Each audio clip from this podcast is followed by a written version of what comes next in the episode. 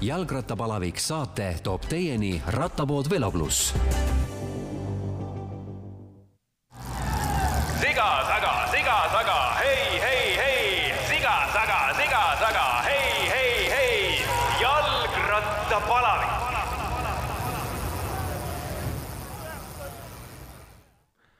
pühad on kenasti üle elatud, on aprilli keskpaik peaaegu juba või õigemini ongi juba. Ja meil on siis uus Jalgrattapalaviku podcasti saade, oleme ikka Delfi vahendusel siin eetris. ja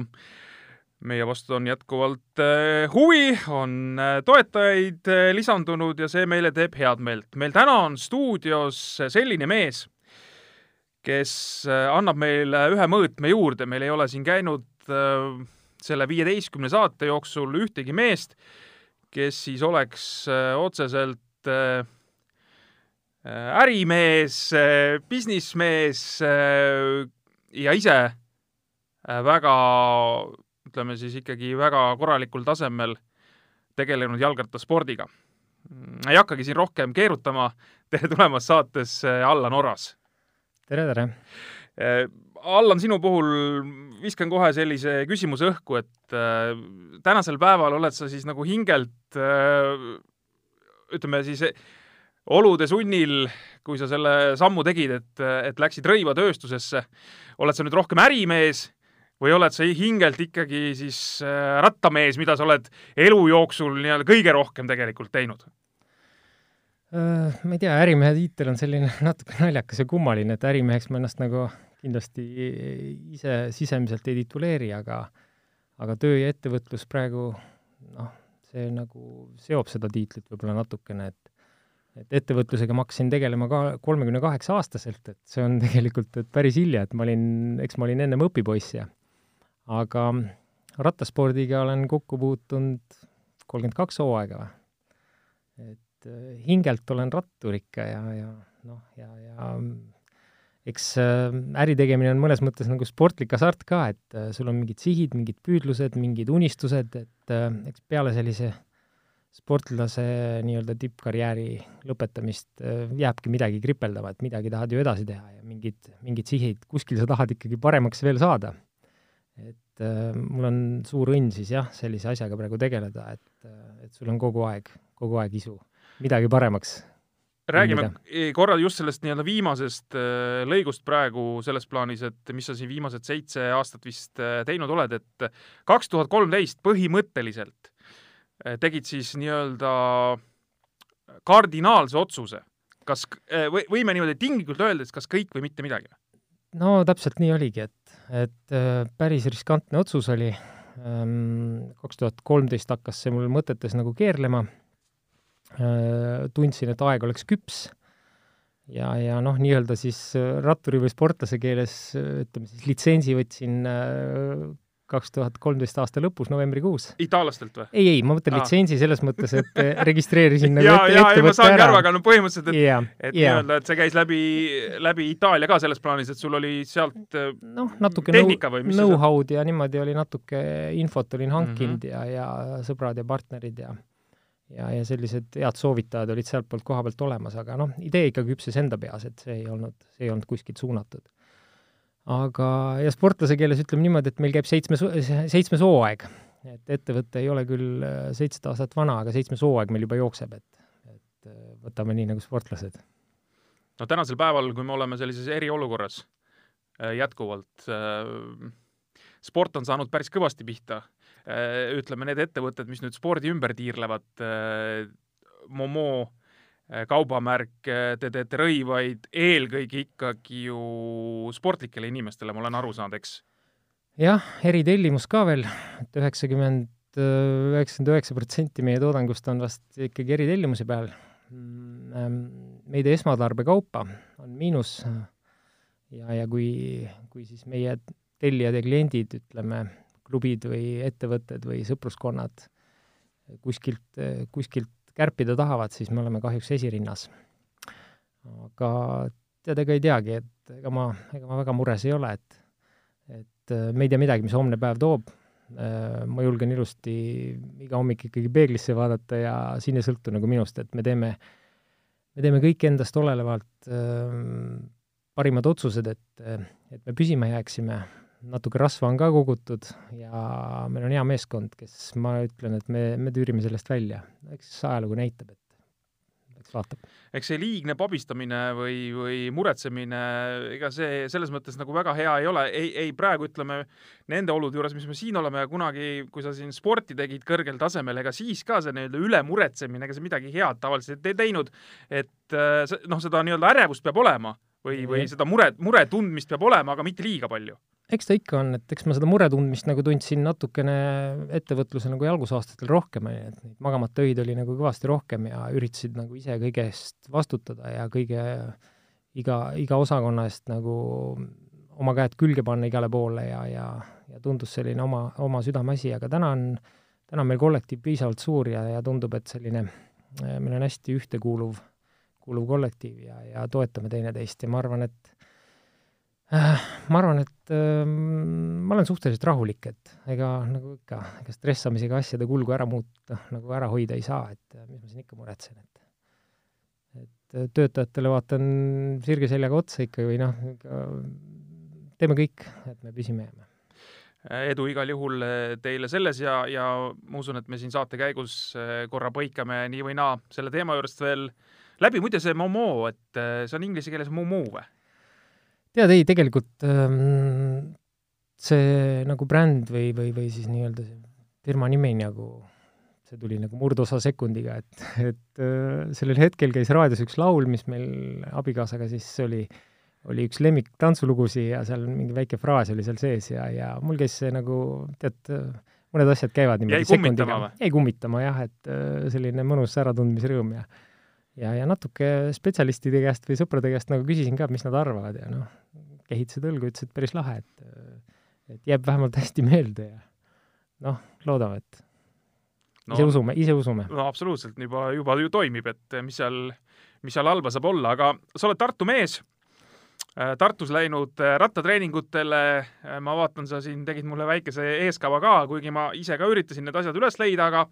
aga kaheksakümmend kaheksa, siis tuhat üheksasada kaheksakümmend kaheksa, kaheteistaastasena läksid Tartu Kalevisse Harald Osjametsa juurde, ütle, miks sa üldse läksid rattatreeningule, sest ma saan aru, et sinu kohta võiks tegelikult öelda ka vana ujuja? Täpselt nii, et ma käisin väga kohusetundlikult kaks aastat enne rattatreeningutele minemist käisin ujumas Äh,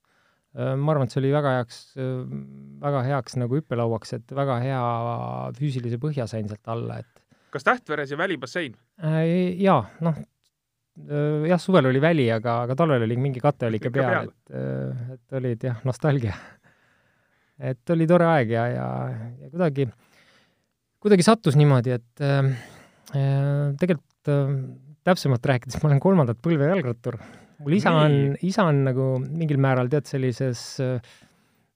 tööjõureservide või ma ei tea, kuidagi ametiühingute alal, noh, mõned aastad nagu teinud ja harrastanud ja, ja teab neid oma aja, oma aja neid ähm, kuue, kuuekümnendate ässasi on nendega koos sõitnud ja mäletab neid väga hästi ja, ja mul vanaisa oli ka, vanaisa vend oli muidugi kõvem, et mul vanaisa vennast on, on, on ilus pilt, kus ta on siis sellise muld, muldtreki peal, tead, seisab rattaga ja medalid on kaelas, et äh, aga vanaisa olevat ka nagu noh, fotojäädvustust ei ole, aga olevat ka nagu tegelenud. ühesõnaga, geen on sees ja nii või naa sa oleks jõudnud jalgrattaspordi juurde? Äh, ei tea jah, äh, võib-olla tõesti, et, äh, et seal oli veel selline seik, et isa tegi, isa oli maaler ja isa tegi mingit altuurat tegi Harald Osemetsale, et mingit, mingit koduremonti või midagi, siis äh, tuli seal jutuks, et poeg on kaheteistaastane, ega seal palju ei olnudki, tead, järsku olid nad Haraldiga mul kodus ukse taga ja ja, ja umbes kell neli on baasis trenn ja ja siis ma siis äh, emaga käe kõrval läksin järgmine päev, nii, nii see alguse sai. oota, kui äh, Harald Osametsa üks kuulsamaid õpilasi on Tõnu Roosmäe kui sa läksid baasi Tõnu Roosmäe figureeris veel seal või, või ta enam ei käinud sealt läbi? figureeris jah, mäletan, ma arvan, seal poolteist või kaks aastat kuni üheksakümnendani, üheksakümne esimeseni sõitis, et et eks ta oli meil iidol, me vaatasime ikka alt üles ja, ja silitasime ta ratast ja, ja vaatasime iga ta liigutust. Ja tead, see on nagu ikka, nagu praegugi, et sa Vaat... vaatad, ta oli ikka staar, noh. ei, absoluutselt, ja vaata nende ratastega, nende ratastega, suurmeister. suurmeister ja,, jah, jah. et äh, nende ratastega oli ju vaata vanal ajal just see, et tänapäeval noh, mis see, mul võib väiksel poisil olla ka parem ratas kui kellelgi nii-öelda suurel mehel, eks, aga siis oli see hierarhia, rattahierarhia nagu raudselt paigas. Et äh, ja siis, kui tuli mõni selline koondise mees või kusagilt, eks, et siis vaatasid seda sõiduriista mõtlesid, oi, tahaks sellega sõita. Colnago, see oli see punane Colnago, tead, et seda kõik imetlesid ja see oli unistuste ratas no.. nii oli, olid ajad, tänasel päeval on need seisud hoopis äh, teisiti, aga sa äh, Tartu Kalevis ei olnud selles mõttes väga pikalt mõned hooajad ja siis kolisid Dünamosse, et kas seal oli lihtsalt pere heitmine või, või kuidagi kutsuti või kuidas see liikumine toimus? tead, kuidagi kutsuti, see seitsekümmend viis aastakäik oli, oli Dünamos hästi, hästi tugev. Rein Pruuli oli siis treener? Rein Pruuli oli treener, et äh, mul olid ees seal siis sellised kamraadid nagu kadunud Janek Ermel, Marko Rebane, seitse kuus aastakäigust Margus Suun äh,, natuke noorem veel Edgari Treier ja nii, et noh, nimekaid vendi oli nagu palju seal ja, ja meil oli selline hea, hea suur punt oli ja, ja kuidagi, kuidagi meeldis, meeldis rohkem. ja siis mingil hetkel muutus see Tartu Dünamo pikkusreising. jaa, täpselt. oled saanud ka Aavo Pikkuusi karmi kätt tunda või karmi juhendamist? Äh, mingil määral küll jah, et eks, eks, eks natuke ta juhendas ja natuke ta käis, et, et ma üheksakümne viiendal läksin välismaale ära, et äh, ta, ta hakkas peale seda nagu rohkem figureerima, et noh, mina tema karmi käe said õigel ajal minema tahtsid öelda praegu? ma sain õigel ajal lipet, jah. aga ma olen neid lugusid kuulnud, et see oli noh, jah, hästi muljet, muljetavaldav jah, et äh, aga kõva tahtmist täis oli mees, jah. Äh, kust tuli siis teadmine või, või kui sa nüüd tagasi meenutad, äh, mis hetkel see teadmine tuli, et sinust saab spordimees?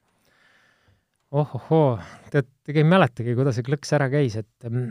et ähm, eks kunagi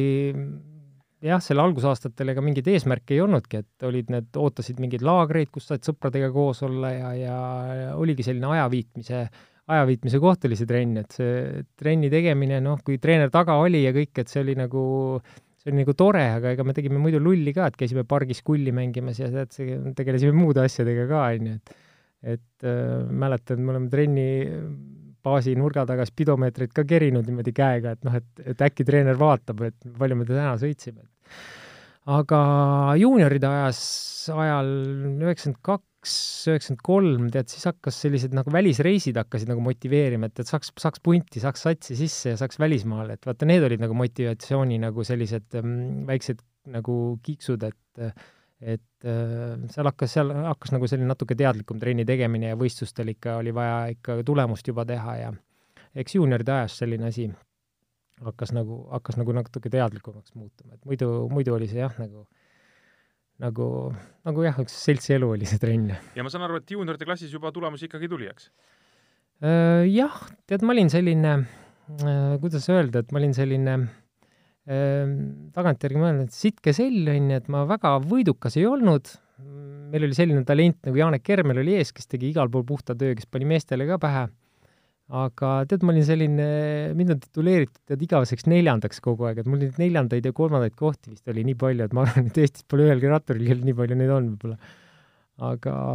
aga, aga jah, ma olin selline, ma olin pildil, ütleme niimoodi, et noh, et ma olin, nagu olin seal, aga, aga väga mingi särav täht ei olnud. no ütleme nii, et selline mees ega koondise mõttes, et kellele sa ei loota, et, et äh, noh, vaata, ega rattasõit on ju üks, üks asi on see, et äh, keegi teeb tulemust, aga seal on vaja igasuguseid mehi, et see tulemus sünniks. Jah, võib-olla, võib-olla ka, et, et eks, eks selle meeskonna vaimu jaoks oli oli, olin ma ikkagi vajalik ja, ja võib-olla suutsin, suutsin mingil määral nagu toetada nagu meeskonda, et äh, kooli käisid lõpuni siin äh, ja siis äh, põrutasid Prantsusmaale või, või põrutasid Prantsusmaale juba enne, kui kool läbi sai? noh, kooliga on ka pull asi, et äh, tegelikult läksin keskkooli, keskkoolist visati mind välja. nii, räägi täpsemalt, kui tahad rääkida täpsemalt sellest. see on sellepärast, et äh, mitte, et ma kuskil trennis käisin või midagi, ma käisin ema töö juures arvutimänge mängimas, emale luiskasin kogu aeg, et tunnid jäid ära, kümnes klass, noh. trennid olid Aamen kirikus, trennis olin alati kohal, viimasel minutil tead mängu arvuti tagant tead joosti trenni, et see trenn sai tehtud, onju, aga kool, kool kannatas ja siis olin, äh, olin nii härga täis, et nüüd ma lähen kutsekooli, et õpin ehitustisleriks, et must saab mingi mööblimees või ja, ja tegelikult kutsekooli lõpetasin päris edukalt ära, et üheksakümne neljandal oli vist lõpetamine, et ma nagu kümnendat klassi käisin kaks korda. aga jah, samad kamraadid, Ermel Reban olid kutsekoolis ees nagu minust üks aasta vanemad ja ja, ja siis äh, sealt sai sti- stipendiumit ja tead, sellised asjad nagu motiveerisid, et äh, kuidagi, kiskus sinna nagu sõprade suunas kui oleks olnud tol ajal kutsekoolide maailmameistrivõistlused, siis ta oleks saanud seal päris kõrgeid kohti vist no, tõenäoliselt, jah. nii, aga, aga siis ühesõnaga üheksakümmend viis äh, välismaale. jah, siis hakkasid need esimesed nii-öelda välisklubid äh, tegelikult mehed nagu Ja-, Jaan Kirsipuu ja Lauri Aus ja Resikud Nemad ja nemad olid seal, juba jaa, ennem jah, seal paar aastat ennem, et, et siis hakkas nagu natukene noorematele ka seal, kes hakkas nagu, kes oli nagu juba nime teinud seal ja sai, sai noorematele ka sebitud. mina tean, et minule sebis ähm, Pariisi klubi äh, me olime Oskari Karguga kahekesi seal terve hooaja ja Martin Aun sebis klubi. tema tuttava tuttaval või tema mm, endisel klubikaaslasel, ma ei mäletagi, kuidas see oli, tema isale oli siis väike amatöörklubi Pariisi äärelinnas, et see oli äh, väga kihvt, väga kihvt algus oli niimoodi, et saime, saime siis nagu mm, välismaale klubisse, et see sa olid siis äh, juunioride klassist väljas, aga U kakskümmend kolm siis veel ma olin U kakskümmend kolm teine aasta. Et Oskari oli siis U kakskümmend kolm esimene aasta, et ma olin teise aasta U kakskümmend kolm ja aga põnev oli, aga tead, selline aukartus, ega me väga tulemust ei teinud, sest et äh, noh, sa oled ikkagi välismaal ja, ja vaatad neid suuremaid ja vanemaid rattureid ja, ja kuidagi, kuidagi nagu see sõidustiil oli teistsugune võrreldes Eestiga ja, ja mis me harjunud olime ja kuidagi noh, ma vist ühe võidusõidu võitsin ka, on ju, tollel aastal, aga, aga kuidagi, kuidagi jah, selline õppimise aasta oli, lihtsalt sisseelamise aasta, et väga, väga keeruline oli. esimest aastat kodust ära ja, ja kuidas see, kuidas seal see hakkamasaamine oli, et ma ikka vahest imestan, et äh, kuidas seal mehed vastu pidasid selles plaanis, et ma ei tea, pandi kusagil X kohta elama, tead, raha oli, midagi sai hamba all, aga noh, heast söögist oli asi kaugel ja nii edasi. meil äh, läks suhteliselt hästi seal, et meil toit oli laua peal, käisime ise poes koos klubi omanikuga, tema siis äh, maksis lõpuks korvi, ise võisime valida. Ja, ja toit, kõht oli täis kogu aeg, ütleme niimoodi, ja, ja, ja mingit taskuraha me ei saanud, aga võistlustega natukene nagu õnnestus kõrvale panna, et äh, kulusid polnud, aga, aga natuke saime nagu kõrvale panna taskuraha siis. no kui sa tänapäeval räägid noortele, et eh, kuulge, minge välismaale, kõhu saate täis, noh, põhimõtteliselt päevarahad ei saa, et eh, aga noh, teete trenni ja kui hakkate võidusõitu võtma, siis võib-olla midagi natuke saate, et nad ei, nad ei ole nõus enam. Et äh, okei okay,, kindlasti on, on noori ka, kes on selles mõttes nagu niimoodi ka nõus, aga nüüd tänapäeval noh, see perspektiiv ei ole nii ahvatlev, et tänapäeval, kuule, kui sa tahad sellist pühendumist, siis ma, siis see on vähe, ma tahaks midagi rohkemat. võib-olla tõesti jah, et äh, aga noh, see on ainuke uks võib-olla laia maailma, et noh, et äh, muud võimalust tollel ajal ei olnud. et pidid võta või jäta, noh. kui ei meeldi, mine koju, noh. Äh, Läksid äh, Prantsusmaale tagasi, ma saan aru, ma vaatan, üheksakümmend kuus olid äh, Strasbourg, Strasbourgi klubis kusagil, jah, jah? üks teine klubi vahetus oli ja sain, sain ühte teise siis klubisse Saksamaa piiri ääres Strasbourgi, seal samamoodi sõitsin aasta. päris edukas aasta oli seal, poodiumikohti oli päris palju juba ja, ja ühe velotuuri võitsin ära, U kakskümmend kolm velotuuri, sellise lühikese kolmeetapilise. ja, ja jah, aasta veeresin ära ja ja, ja pidin, pidin siis üheksakümmend kaheksa tagasi minema sinna. aga juhtus selline asi, et üheksakümne kaheksandaks pakuti üheksakümmend seitse, vabandust, üheksakümmend kuus olid sa seal, üheksakümmend viis, üheksakümmend kuus ja nüüd üheksakümmend seitse, eks, jah, jah, üheksakümmend seitse pidin tagasi minema, aga siis ähm, kuidagi keegi lätlaste, Belgia mänedžer, ma ei tea, kuidas sebis siin Baltikumi rattureid Itaalia klubidesse, noh, täitsa noh, võttis seal kellegagi ühendust, kas tahate häid välismaalasi ja, ja ja kuidagi Janek Ermel läks tollel aastal äh, Roman Feinsteinsiga koos ühte klubisse ja mina sain ühte teise klubisse, me olime küll kolmesaja kilomeetri kaugusel, et kah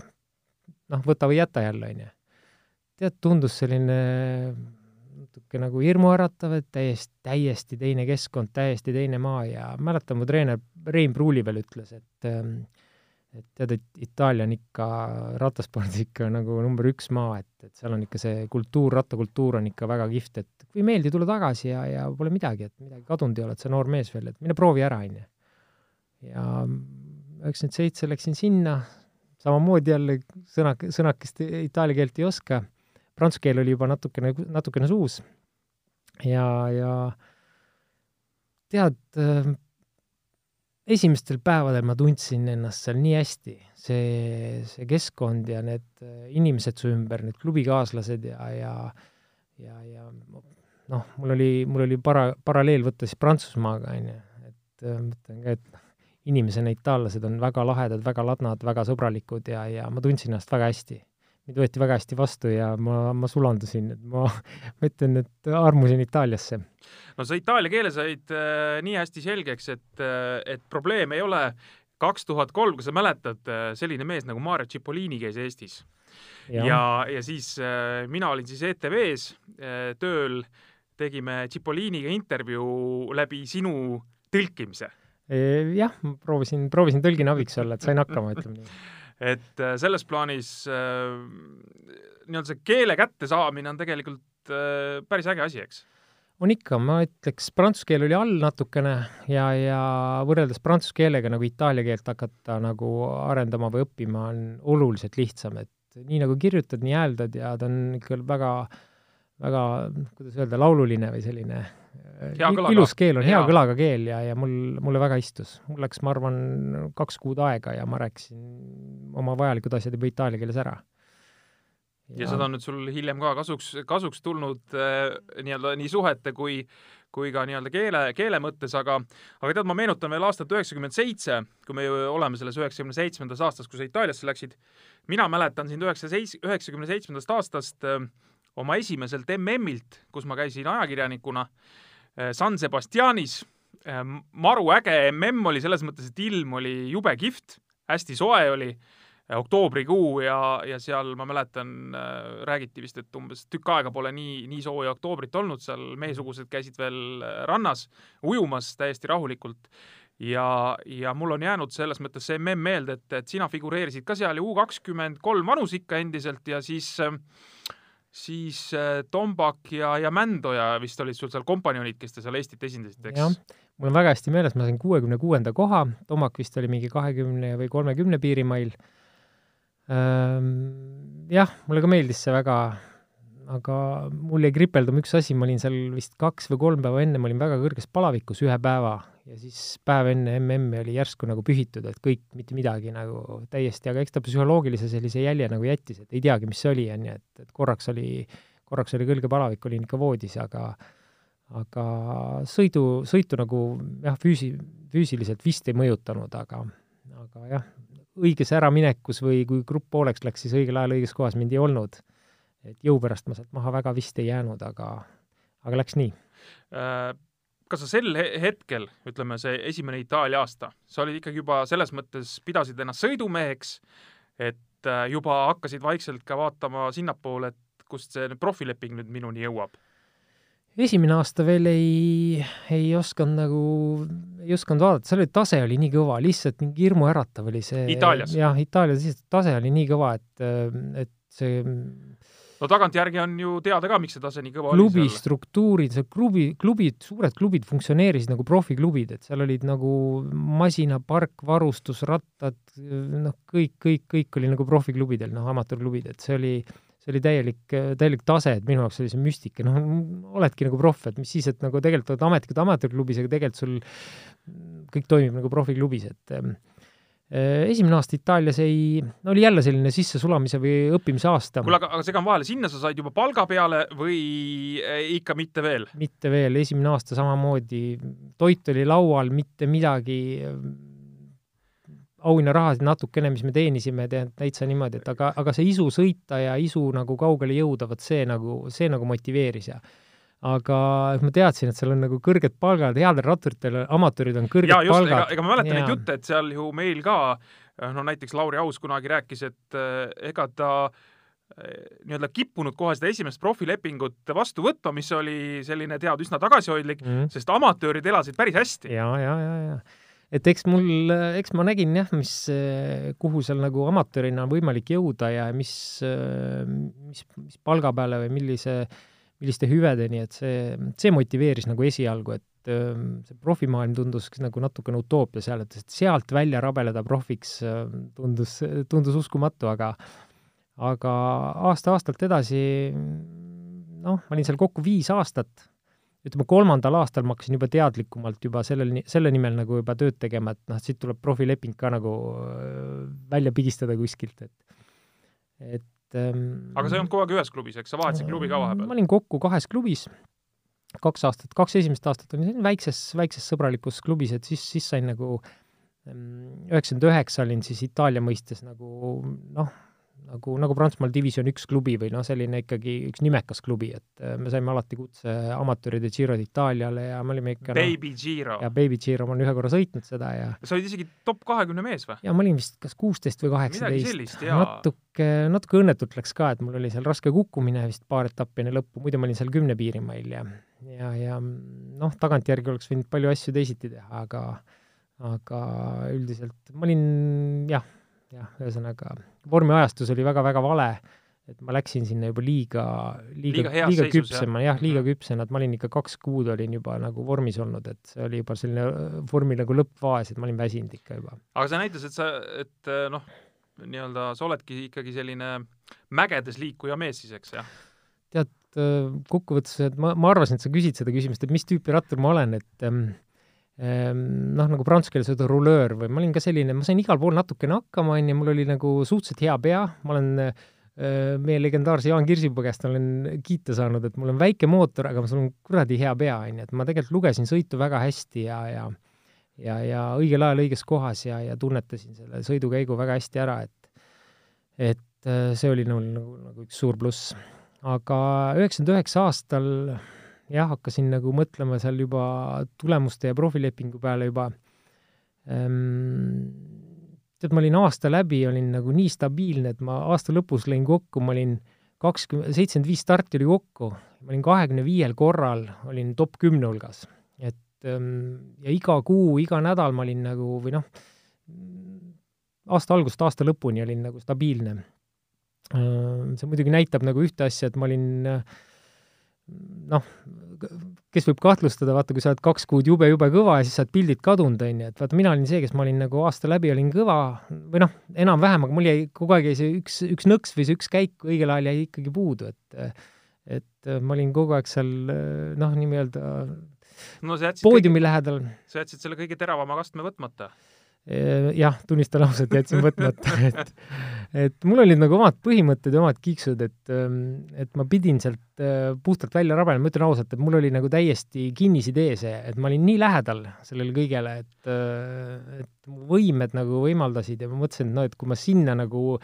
ütleme, profi ukse vahele jala ära saan, et noh, siis ma noh, tagantjärgi mõtlen, siis ma olin noore poisina, mõtlesin, siis ma risti ette ei lööks, aga vaata, praegu ma pean siit välja labelema nagu, nagu päris puhtalt, ütleme nii. muide, selle üheksakümne üheksanda aastaga, kui sa nüüd oled jõudnud sinna,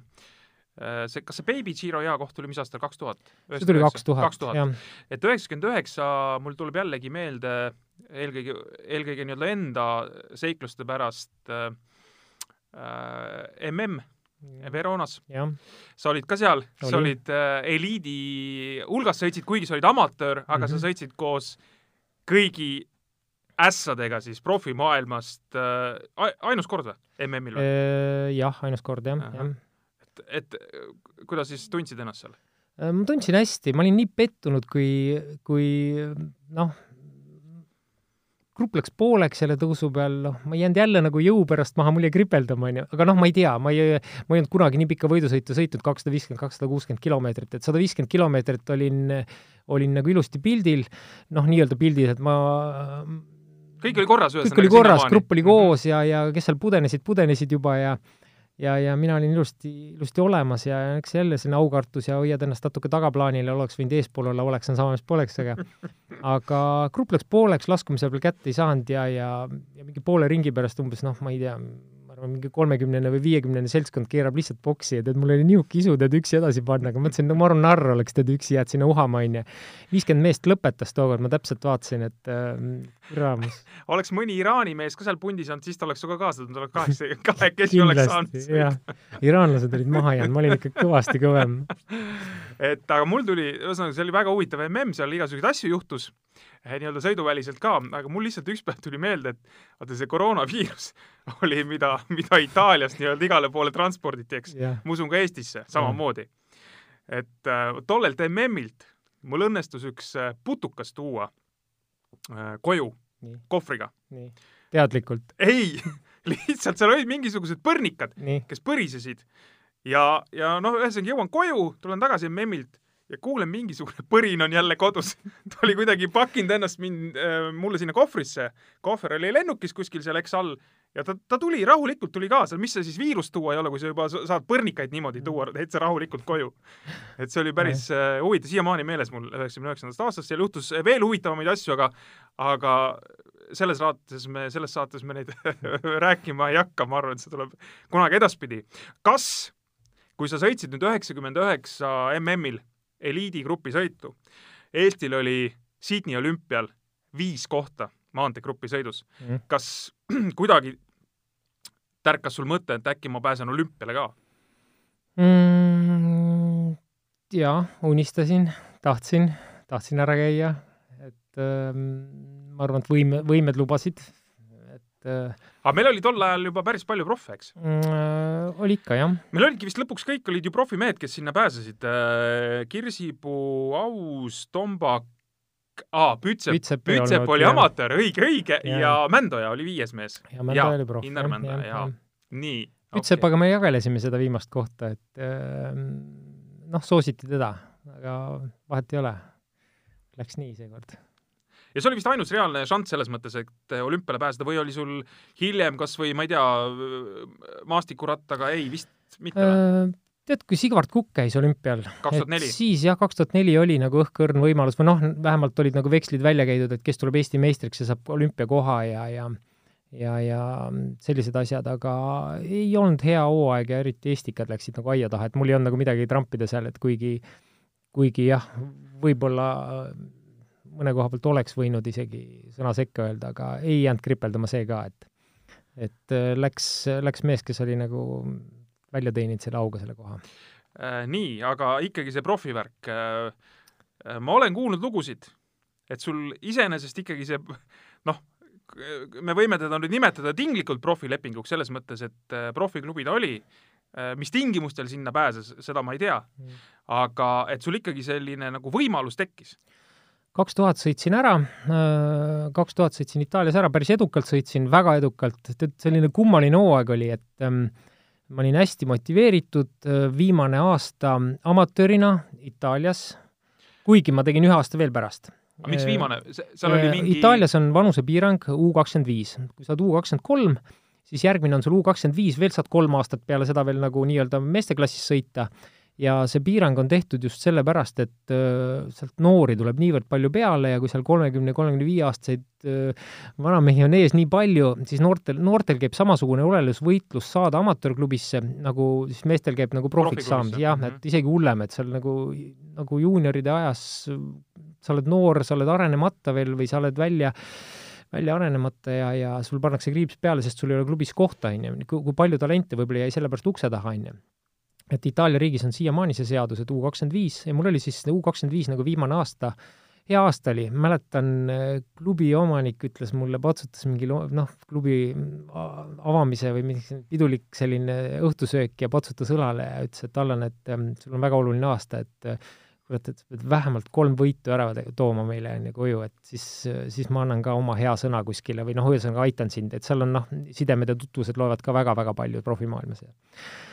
ja tead, mul tuli mm, maikuus,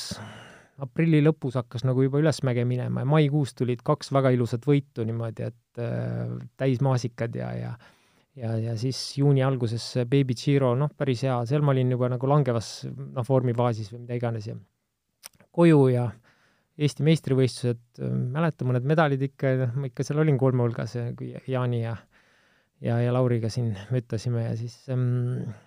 ähm,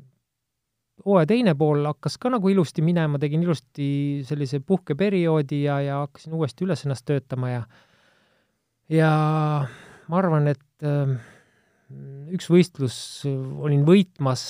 tuleb kümme kilomeetrit enne lõppu tuleb kohtunike auto kõrvale või mingi, et ütleb, et kuule, et ähm, võistluste peakorraldajale sõideti autoga sisse ja noh, sai surma, võistlus on katse, katkestatud äh,. mingil võistlusel, noh, väga prestiižikal võistlusel, tead, selline international klassi võistlus, ütleme, ma ei tea, kolm kilomeetrit enne lõppu üksi eest ära suudan maali panna, on ju, laskumise peal ja, ja ja midagi veel seal, mingi viiskümmend meetrit enne lõppu sai grupp kätte napilt ja, ja oi jumal, ma ei mäleta. vedas viltu ühesõnaga vedas kuidagi. viltu, kõik seda kolmandat, see oli nagu taak, tead, see, see oli selline, et tead, ma ei pidanudki profiks saama või ma ei tea, mingi, mingi asi nagu oli sul nagu, nagu ei tulnud seda nagu ära, nagu ära nagu neet-, just takistusi ette sulle kogu jah, eks, jah, jah. jah, jah, et et mingi, mingi väga huvitav seik oli veel, veel mingi asja pärast, mingi väga nõmeda asja pärast jäi mingi asi jälle saamata ja tead, nagu teisi kohti ja kolmandaid kohti ja, ja kõike tuli ja aga midagi siis sellesama klubi baasil nagu loodi siis nagu kaks tuhat üks aastaks veel üks, üks nagu üle Itaalia võeti siis sellised, kes olid nagu, korjati kokku sellised nagu tugevad sellised, kes olid siis nagu üle, üle U kahekümne viie aasta või korjati veel need kokku, on ju, ja tehti üks selline tiim, kes hakkab siis nagu mööda, nagu natuke mööda Euroopat või niimoodi rändama ja Itaalia neid üks kuus rahvusvahelisi sõite ja siis proffidega koos open sõite hakkab sõitma. noh, kalender päris värvikas. see üks kuus on juba nii-öelda see vana mingisugune kategooriatega, seda ei ole, aga no vahet ei ole, et aga enne, kui ma sinna klubisse läksin, tegelikult äh, äh, Andrus Haug äh, aitasin tal tõlketööd teha ja aitasin tal suhelda Amore Vitaga ja Amore Vitast küsiti, et ah, Horas, et aga mis sina teed, et äh, mul järgmiseks aastaks kohta ei ole ja kuidas sul ei ole, et noh, mis asja, et äh, ei saa sina ikka ripakil olla, täitsa niimoodi, et äh, noh, et äh, kuule, me teeme sulle Andrusega koha, aga ma ei, tead, natuke see Amore Vita nagu selline taust ja kuvand oli natukene, natuke ähmane äh,. ratturit palka ei saanud, oli üks põhjus. amatöörina ma teenisin kordades rohkem, jälle olid sa dilemma ees, onju, mul on pere, mul on laps, onju. Ei saa nagu väga seda lubada, et lähed nagu, lähed nagu nulli peale tagasi. kuigi nagu jah, vaadates pikka pilti või suurt pilti, noh, oleks ju, noh, oleksid ei, ei maksa enam midagi aga mm, ja siis oli, mis, mis asi sai nagu väga määravaks, oli see, et see Amore Vita oli nagu tollel aastal oli poole hooaja pealt Itaalia rattaföderatsioonist nagu välja heidetud. Noh, väidetavalt seal ka, et mingi pangagarantiisi pole või mida iganes ratturitele ei maksta ja tegelikult oli Amore Vita just selline, kes nagu protestis seal igasuguste dopinguvõitluste vastu, igasuguste kontrolle, noh, tahtis pooldada kontrolli, tegelikult nagu puhta spordi poolt oli, onju ja ju siis kellelegi seal tipus ei meeldinud selline väga suur kisa, et noh, tead, mis me siin ikka tead, paneme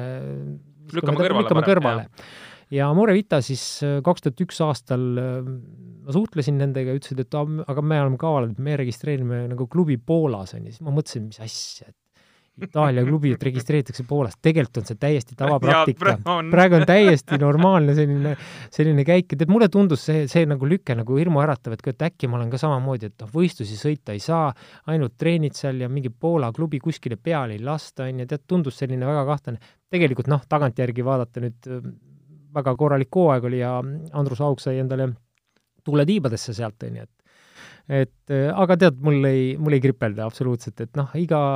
iga otsus elus on millegi jaoks hea ja mida, noh, mida iganes, et need oleksid ei maksa, et ma, mul ei jäänud nagu kripeldama, et noh, siis, siis ühesõnaga sa tegid eh, hooaja ära seal, seal see hooaeg teil toimis või seal ei toiminud selles klubis tead, toimis, oli, oli, oli märgatavalt vähem võistluseid oli, hooaeg läks nagu alguses äh, ilusti käima, kuidagi suvel vajus ära, tead, vaadati, et see ikka noh, tead, see rändamine, tead, selline noh, nagu rändtsirkus, et ühelt võistluselt teisele jube kaugel, vahepeal Austriasse, vahepeal Sloveeniasse, tead, selline noh, see tundus nagu selline, et ähm, noh, hakkas ära lagunema, aga aga hooaja lõpu ma septembri algusega lõpetasin seal ära. mul oli juba kindel plaan, et ma teen nüüd seal noh, viimased stardid ära ja, ja oli korralik, korralik kalender oli sügisel. ma sain ähm, viimane võistlus, ma lõin Itaalias nagu selles mõttes lõin pauguga ukse kinni, et viimane võistlus oli siis seesama Giro di Valdarno, kus ma eelmine aasta, aasta ennem olin siis nagu seal kolm kilomeetrit enne lõppu külili käinud ja mul jäi see võitmata. tollel võistlusel ma sain äh, teise koha ja võitis selline mees nagu Jaroslav Popovitš, kes oli mõni nädal hiljem, oli U kahekümne kolme maailmameister. nii et noh, ma sain nagu ilusa, ilusa lõpu teha nagu oma Itaalia siis karjäärile, et no sa oled seal mitte ainult Popovitšiga nii-öelda võidu sõitnud ja niimoodi võrdselt võidu sõitnud, seal olid Allan Davised ja kes sul kõik olid sellel Jaa. ajal seal, et et ütleme nii, et kui nüüd eh, vaadata nii, neid, kuhu need mehed jõudnud on, kellega sa seal pusisid, eks, et siin ma olen, eh, ütleme, kunagi siin mingi Tarmo Raudsepaga ka rääkinud, et äh, et siin üks Austraalia poiss äh, oli ka tal tiimikaaslane mitu hooaega ja lõpuks sõitis mm., ma ei tea, võitis suuri klassikuid ja ja Tour de France'il seal kollases liidrisärgis ja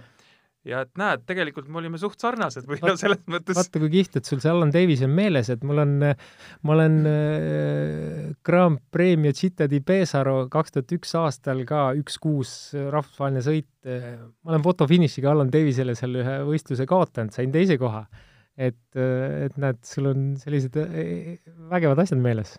nii, aga kuule, ma vaatan, et pärast seda sa tulid koju või? Selles mõttes, et, et enne kui me sellest rääkima hakkame, kui sa ko koju tuled, et teeme siia hetkelise reklaamipausi ka vahele. valik valik erinevaid jalgrattaid. kui ostad Velo pluss e-poest vähemalt viiekümne euro eest, on transport tasuta. vaata velopluss.ee. Nonii reklaamid kuulatud äh, ja me oleme siis vist, ma saan aru, oleme jõudnud äh, koju tagasi, aga mitte Velo plussi, eks? Äh, jah, kaks tuhat üks aasta lõpus tulin koju, ähm, tegin oma nii-öelda debüüdi Tartu rattamaratonil. debüüdi? jaa. oota, mis aastast see üldse? kaks tuhat üks, kaks tuhat üks lõpus jah, jah, et ma tulin Hawaii Ekspressi noh, tegelikult jah, tulingi koju, et mõtlesin, noh, nüüd on nagu reaalne elu käes, et äh, oota, oota, ma nüüd täpsustan enda jaoks korra. sa mm. sõitsid kaks tuhat üks esimest korda rattamaratoni. kas see oli üldse esimest korda või? see oli minu jaoks esimest korda. ei, sinu jaoks ei olnud, rattamaraton vist oli teist või kolmandat okay, korda okay. oli jah, jah. et minu jaoks oli see esimest korda ja, ja tegin, tegin debüüdi siis äh, oma uue koduklubi särki värvides, et Hawaii Ekspressi värvides äh, ja, ja kogenematu nagu ma olin ja, ja hops, sain teise koha, algas Maasi-, Maasikmetsa järel, et, et see oli nagu, nagu päris üllatav ja, ja, ja, ja sealt äh, mägiratas hakkas nagu meeldima, sümpatiseerima kohe nagu ja, ja, ja kui ma kuulsin sõprade käest ka, et milline hooaeg ja mingid ramburai siin käib, et iga nädalavahetusel on ikka tohutu võistluskalender, igasugused maratonide sarjad ja värgid ja, ja ja, ja auhinnad, millest võib teenida ja elada ja, ja täitsa selline, tead, pakkuski selline hasart tuli sisse? hasart tuli sisse, selline uus väljakutse ja tead, selline uus, uus keskkond ja aga see tähendas, et suure spordi sa siis ikkagi mõtetes tõmbasid maha? Äh, võib-olla mingiks hetkeks jaa, et ma läksin äh, reaalselt tööle, äh, Hawaii Express avas Zeppelinis uues kaubanduskeskuses siis oma poe ja sinna otsiti töötajaid ja ega mul oligi noh, reaalne elu oli, oli nagu ees, et äh, kuule, et noh, nüüd on vaja tööle minna, et tuli see otsus ära teha, onju. aga Hawaii, Hawaiiga sain nii hästi kaubale, et ma sain äh, natuke vabama graafiku tööl käimiseks, ma sain trenni teha ja neid, neid ju ikkagi huvitas äh, selline no absoluutselt, kui noh, selliste meestega ka ei saa kaubale, siis kellega veel, eks ja,. jah, jah. et läks ilusti ja kuidagi, kuidagi väga sümpaatselt oleme saanud Hawaiiga alati kaubale, jah ja sa, ütleme siin, äh, olid selline üks hirmuäratavamaid persoone kodustes või koduses suures äh, maastikuratta-maratonide sarjas päris mitu hooaega ja siis ühtäkki jälle Prantsusmaale, jah? tead, kaks tuhat viis juhtus selline huvitav, huvitav aasta minu jaoks, et, ähm, et um, kuidagi Risto Usin nagu kutsus, et kuule, et, ähm, et otsitakse mingit vanemat või eliitratturit, et sellist koge-, kogenemut või noh, kogemustega ratturit, et Risto ise, Risto ise sõitis siis seal, jah? seal jah mm, -hmm. ta ei olnud nagu samas klubis, aga elamine oli nagu samas, et et tema nagu kutsus, on ju, et, et mul oli selline kaval plaan kohe, et okei okay,, on ju, et et ma teen Hawaii'ga kevadlaagri kaks-kolm nädalat, on ju, ja siis ähm, sõidan hea põhja alla ja siis ma lähen äh, veel pooleteiseks kaheks kuuks Prantsusmaale klubisse võtan oma ratta kaasa, et ma ei tee klubile mingeid kulusid, aga kui siin hakkab hooaeg pihta, et siis ma vaikselt lähen jälle koju tagasi, et hakkan siin nagu neid maratonide sarju Hawaii'st sõitma.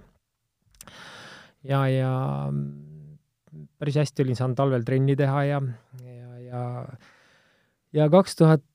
jah, siis läksin Prantsusmaale ja ma olin kokku seal poolteist kuud mm, ma võitsin selle pooleteise kuuga neli võidusõitu seal ära ja mitte niisama võidusõidud, vaid ikka nagu reaalsed ja, ja ja mai keskpaigaks, kui ma sealt koju tulin, ma olin Prantsusmaa jooksvas amatööride reitingus või edetabelis teisel kohal, on ju. et äh, selline selline uskumatu, uskumatu nagu edu saatis mind seal ja teisi kolmandaid kohti, ma sõitsin ühe velotuuri profidega koos, kus oli AG2R ja ma sain seal nelja etapi peale ühe korra kuuenda koha, ühe korra neljanda koha, noh. Samuel Tumulaniga panin koos, tead, kõrvuti finišit ja noh, ma ikka suuskasin talle ikka kõvasti ära, noh, ma olin küll neljas etapil, liiga vara arust-, alustasin, tead, jälle kogenematus, on ju, tead, noh. aga selline mõnus hingamine oli ja mõnus selline, aga tead, sellel, selle nagu selle perioodi vältel juba mingi profiklubi mänedžer juba uuris, et kuule, et väga huvitav rattur on, et, et huvitav, et kui vana ta on ja ma mõtlesin kakskümmend üheksa, noh siis ma nägin, kuidas nagu nägu viltu vajus, et noh, et oh, vist see oli on nüüd esimene ko- kord elus, kus sa oleks pidanud valetama. jah, kakskümmend üheksa, mõtlesin, no et no so what, on ju, et noh, ma ise tunnen ennast nagu nagu noor jumal, on ju, et mis vahet seal on, on ju, aga noh, jah, sinna see jutt jäi, aga tead, mul jäi kripeldama see, on ju, mõtlesin, et okei okay,, et noh, et et ma olin siin küll nüüd peaaegu kaks kuud, et tegin sellise nagu puhta töö, et äh, aga mis siis saab, kui ma tegelikult olen terve hooaja Prantsusmaal, et kaks tuhat kuus mul oli see võimalus veel, et mul äh, vanem laps, poeg Joonatan veel koolis ei käinud. Äh,, abikaasa ka oli suvel vaba, et tal on selline töökoht ja tütar oli kaheaastane. ja, ja mõtlesime, et lähme terveks aastaks Prantsusmaale, et seal pakuti Koos ela- perega? ja koos perega, et läksimegi suveks sinna, jube kihvt periood oli ja, ja saime korteri ja kõik, noh, ma ikka olin, ma olin seal ikka staar, on ju, et noh, sellise, sellise sa läksid tagasi jälle samasse klubisse, ma läksin samasse Sarvöö klubisse, klubi, jah, Sarvöö klubisse. ja, ja äh, valmistusin talvel nagu ikka ja kõik tegid nagu oma parema tahtmise korral omast arust õieti ja tead, tead, too aasta jälle ei tulnud ja ei tulnud, ei tulnud, ma olin nagu jälle selline stabiilne nagu noh, oled kogu aeg, aga tead nagu ei, ei tule seda säravat tulemust ja aga jälle sellel aastal oli see, et klubi omanik koputas mulle jälle kevadel ukse, õla peale, ütles Allan, et et sa oled kõva vend, aga kurat, ma tahaks, et sa võidaksid kaheksateistkümnendal juulil Charvieux Chavagneux Grand Prix meie kodukorraldatud võistlusega ära, mis on Bastille vabastamise aastapäeval ja kõik jutud, onju. tead, mul jäi nagu see jälle nagu niimoodi noh, nagu, nagu vuhises ühest kõrvast sisse, teisest välja, noh. ja ei tule, ei tule, ei tule nagu tulemust ja noh, ikka seal mingit noh, poodiumikohti ja midagi tuleb, aga kogu aeg oled nagu, nagu noh, nagu ja tead, ja tead, see kaheksateist juuli kõmm, kõik klapib, noh, ma ei teagi, kuidas on ju, kõik klapib, kõik sõit sujub äh,, üksi eest ära, vaatan, saavad kätte, lõputõus tuleb, tead, juba kavalalt lasen nad, lasen nad suhteliselt lähedale, kaks tükki jälitavad, tead, mõne sekundi peale viimase tõusu panen ja üleval uuesti kolmkümmend, nelikümmend sekundit vahe, viis kilomeetrit lõpuni ja uhkese üksinda sa võidad ja tead, niisugune pisar silmis mõtled, et ma olin seal, ma olin jälle seal nagu nii tehtud staar, on ju, tead õhtul ja võitsid ära. võitsin ära ja klubi noh, ülirahul, et noh, kuule, me ei ole, ma ei tea, mitukümmend aastat seda võistlust võitnud oma klubiga, et see on meie jaoks ikka nagu mm on ju. oi jummel küll ja siis ähm,, siis jah, seal, no ta oli Prantsuse Bastille vabastamise aastapäev, noh, see oli noh, nende jaoks nagu rahvuspüha, noh, oma klubi võitis ka, et see oli, see oli kihvt, et jah, seal lõpetasin vaikselt hooaja ära, et äh, oota, aga sealt ei järgnenud selles mõttes ikkagi tuli paar, paar võitu tuli Nii, veel, ahah. sellist väiksema, väiksema Aga klassi mingit võitu huvi?, enam ei, ei tulnud, Ei. olnud huvi ja eks ma olin ise ka loobunud juba ja ja, ja viisakalt äh, ütlesin, et augustiga lõpetan hooaja ära, sest mul poeg läheb esimesse klassi, see esimesel septembril, et ma äh, selleks ajaks olen kodus ja ja siis hakkab jälle reaalne elu pihta, et ja, ja, ja nii see läks, olin kodus, lõpetasin hooaja, sõitsin rattamaratonid, asjad, kaks tuhat seitse-kaheksa sõitsin kodukalendrit Arctic spordiklubi all äh,, väga hästi toimis kõik, sain kodukalendri korralikud laagrid, kõik toimis. kaks tuhat kaheksa tuli see esimene majanduskriis, sponsorid tõmbasid tepslid seinast välja ja, ja siis oli juba välja hõigatud, et kaks tuhat üheksa on Euroopa meistrivõistlused Tartus, Tartu rattamaraton. tead ähm,, mul oli õudne isu oli seda nagu noh, nagu noh, nagu väärikalt, ma ta-, ma tundsin, et see on, see on minu nagu karjääri nagu lõpp, et ma tahaks seda veel sõita mingis eh, heas klubis või heas keskkonnas või et, et mul ei jää midagi, et mul ei jääks midagi kripeldama. et, et ühesõnaga ütleme, olles korduvalt seda maratoni sõitnud, teades täpselt, milline see rada on, teades täpselt oma võimeid, siis äh, võib nii öelda, et, et äh, kui ma olen vormis, siis ma tahaks näha meest, kes mulle selle võistluse kindlalt pähe paneb. nii või? no ei, ma ei, jah, ma ei, ma ei oska, ma ei oska niisuguseid veksleid praegu välja käia, aga noh, mul oli see, mul oli see sõit nagu kogu aeg hinges ja kogu aeg südamel, ma tahtsin seda võita, aga see, et ta nagu Euroopa meistrivõistlused, ega see nagu noh, lisas kindlasti väärtust, aga noh, anyway, Tartu rattamaraton oli vaja nagu karjääri jooksul kord ära võita, et see oli nagu unistus, on ju. Kui noh, statistikat öelda, siis kaks tuhat üks kuni kuni kaks tuhat kaksteist, kui ma sõitsin üksteist aastat seda järjest, minu kehvem koht oli üheksas, on ju, ja siis järgmine kehvem koht oli viies või kuues, on ju, siis noh, ma olin kogu aeg seal otsas, no kogu aeg olin eesotsas, teisi-kolmandaid kohti, küll sain Jassi käest finiši pähe ja küll sain Austa käest pähe ja noh, Maasikmetsa käest ja noh, selliseid, kogu aeg oled lähedal, on ju. aga kaks tuhat üheksa liitusin Reetumaa pangaga, Läti tiimiga. Eh, hooaja keskel siis kuskil ei, ikka hooaja algus, hooaja algusest ja, ja, ja niimoodi ma läksingi sellepärast, et ma saaksin korraliku kalendri, korraliku noh, ütleme siis treenituse, ma saaks korraliku sissetuleku, noh, enam-vähem korraliku, et ma saaksin, ma saaksin äh, sirge seljaga nagu treenida, valmistuda ja korralikult see ratas,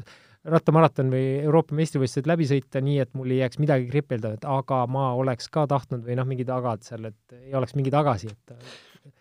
parimal moel see nagu täide viia. jaa, kuule, kõike seda juttu kuulates, sa oled ikka üdini rattamees, selles mõttes, et sul, ma, ma pean silmas just seda, et seda tahtmist on sul olnud ikka nii palju,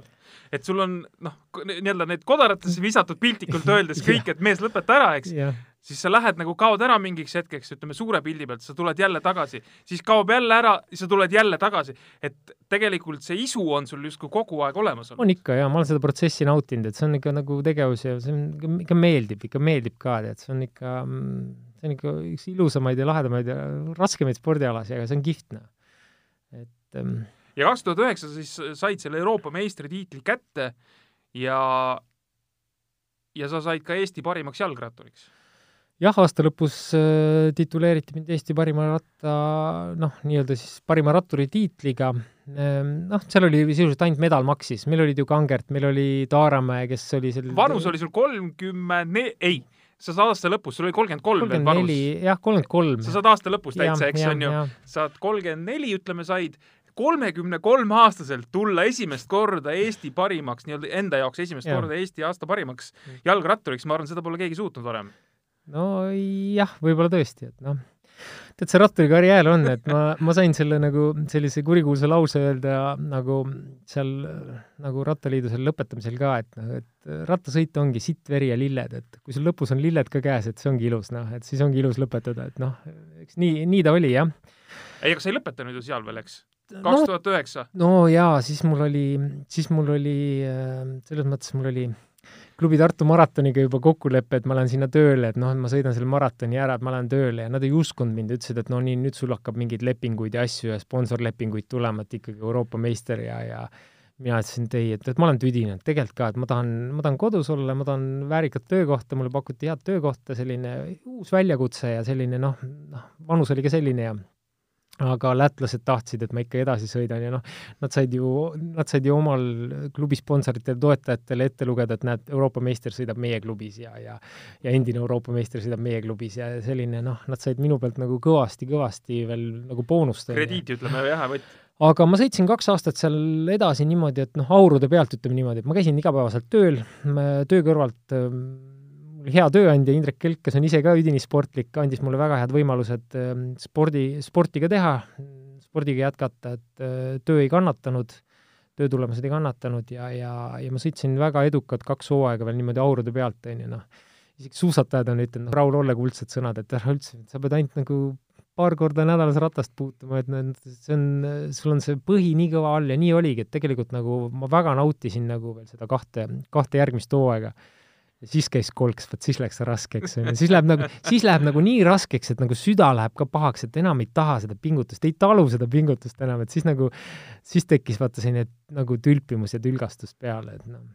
no kui sa ei jõua, siis ikka tekib Jah, see see paha, paha tunne, aga ütle mul nüüd võrdluses ka, et kui sa juba ütlesid, et sa lasid aurude peal,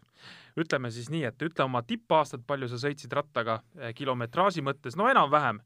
ja palju sa siis nende aurude peal sõitsid? mm,? Tippaastatel kakskümmend viis, kakskümmend kaheksa tuhat, kakskümmend kaheksa pool äkki mingi maksimum, on ju, aga aga aurude pealt noh, poole vähem või isegi rohkem vähem, et äh, nii et, kes te kuulsite ja, ja rehkendasite peas, et äkki ta sõitis viis tuhat ja ja oli nii kõva mees, et viiest tuhandest piisab, siis tegelikult ei piisa, eks? tead, ma arvan, ma arvan, et noh, aurude pealt äh, võis selline tead kaheksa kuni kümme tuhat aastas olla, selline, selline võis olla, et ma ikka noh, kolm-neli korda nädalas ikka liigutasin ja, ja käisin ikka trennis ja mingi väike kevadlaager ja sellised asjad said ikka tehtud, et et põhi on kõva all, et mootor on kõva, siis, siis võib, siis võib seda lubada, jah. me oleme viiskümmend viis minutit peaaegu lobisenud juba, et äh, aeg läheb väga lennates. me oleme nüüd jõudnud ringiga tagasi sinnasamasse kohta, kus sa põhimõtteliselt siis kaks tuhat kolmteist panid, panid kõik lauale nii-öelda, et äh,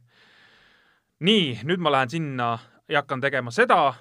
ja, ja nüüd sa siis varustad äh, mitte ainult rattureid äh, rattariietega, vaid äh, suusatajad,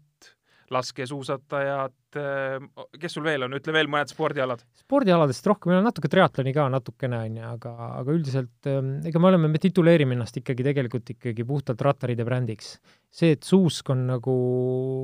ka olemas, see tegelikult meie nagu kliimavöötmes peab olema, et kõik, kõik siin põhjapoolsed äh, rattariide brändid, kes toodavad või kes tarnivad, et äh, ikka kuus kuud on rattahooaeg ja ülejäänud on siis, äh, ülejäänud on talvehooaeg või suusk, et, et, ähm, et ellu jääda ja, ja seda, seda võimalikult paremal moel, seda tuleb lihtsalt teha. sa oled rattariietena olnud juba MM-idel, olümpiamängudel, on jah? jaa. et äh, selles mõttes nagu ütleme, suurvõistlustest enam midagi nagu võtta ei ole, nüüd on lihtsalt vaja kombitsad laiali ajada, et äh, mitte ainult Eesti koondis ei oleks seal äh, nende riietega, vaid siis ütleme noh, ma ei tea, paneme kõik suured koondised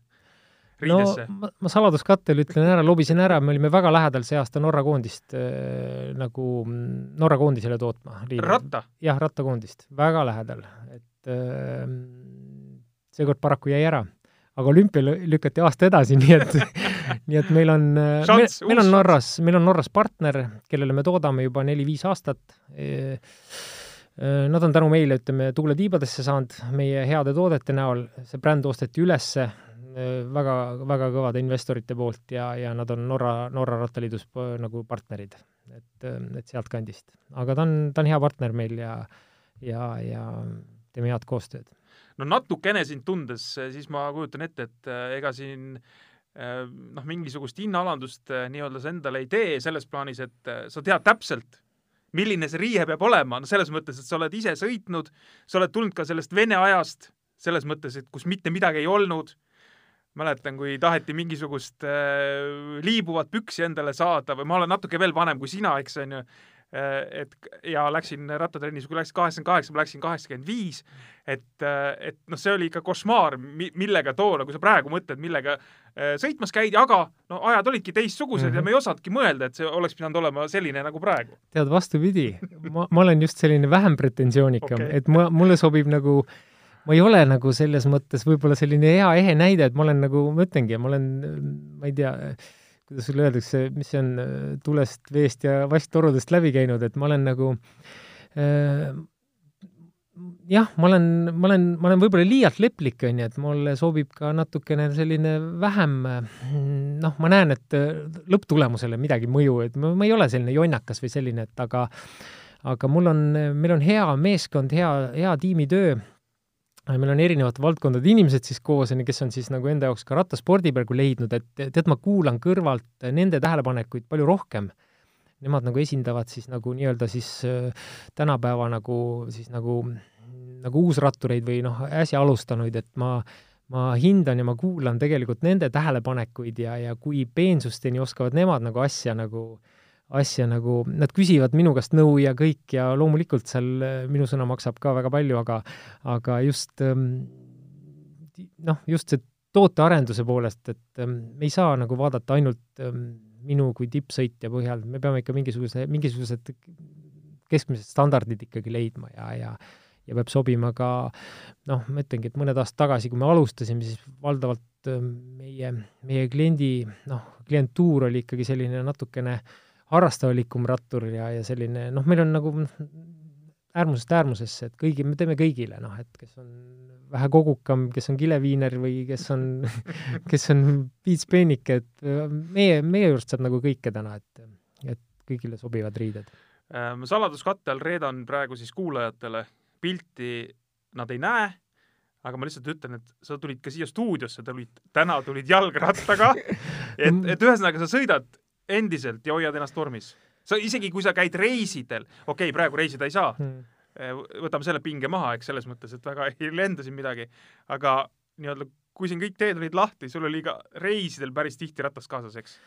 Ehm, ja on ka tulevikus. tead, viimasel ajal on, ma, ma olen tegelikult, ma olen tegelikult selle töö kõrvalt nagu, kui ma selle ratta nagu, nagu noh, ütleme siis ettevõtlusega alustasin, siis ma viskasin ratta täitsa nurka, ma sõitsin väga vähe, on ju, ja ma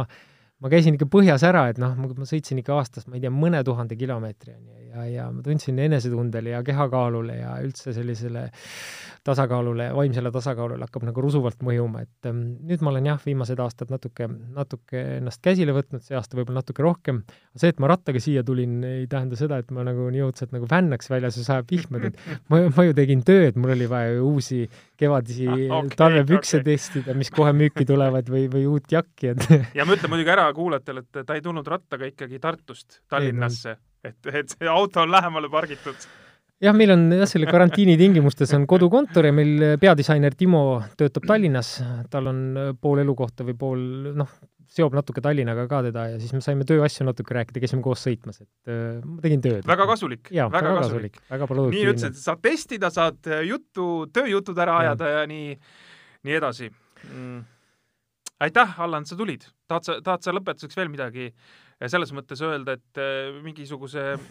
kirsitordil panna nüüd, et äh, vot seda lugu ma ei ole mitte kunagi varem rääkinud, et nüüd ma räägin ära, isegi naine ei tea kodus. ei ole, ei ole sellist midagi, et ah, ei, jah, et loodame selle raske aja nagu üle elada ja, ja ja, ja ma tunnen praegu, kuidas Eesti meeskonnad ja Eesti, Eesti tiimid nagu on hoidmas meie poole ja meie, meile just pöialt ja, ja esitavad tellimusi just meile, et et see teeb nagu suurt rõõmu, et äh, eelistame eestimaist ja, ja see olekski nagu ühine sõnum, et absoluutselt, no see peabki nii olema, kui eriti veel, kui kaup on ka selline, et, et ühtegi pretensiooni noh, tahaks, aga ei saa esitada. aitäh tulemast, Allan selline oli siis jutt ähm, sel korral, sel nädalal ja ilmad lähevad meil järjest paremaks Äh, ma ei tea, võib-olla mingil hetkel tohib suurema grupiga ka sõitma minna, aga kindlasti kasutas, kasutage seda võimalust. ratas on meie tingimustes kevadel, suvel ja sügisel väga mõnus liikumisvahend. aitäh kuulamast ja jalgrattapalavik jälle järgmisel nädalal. siga taga, siga taga,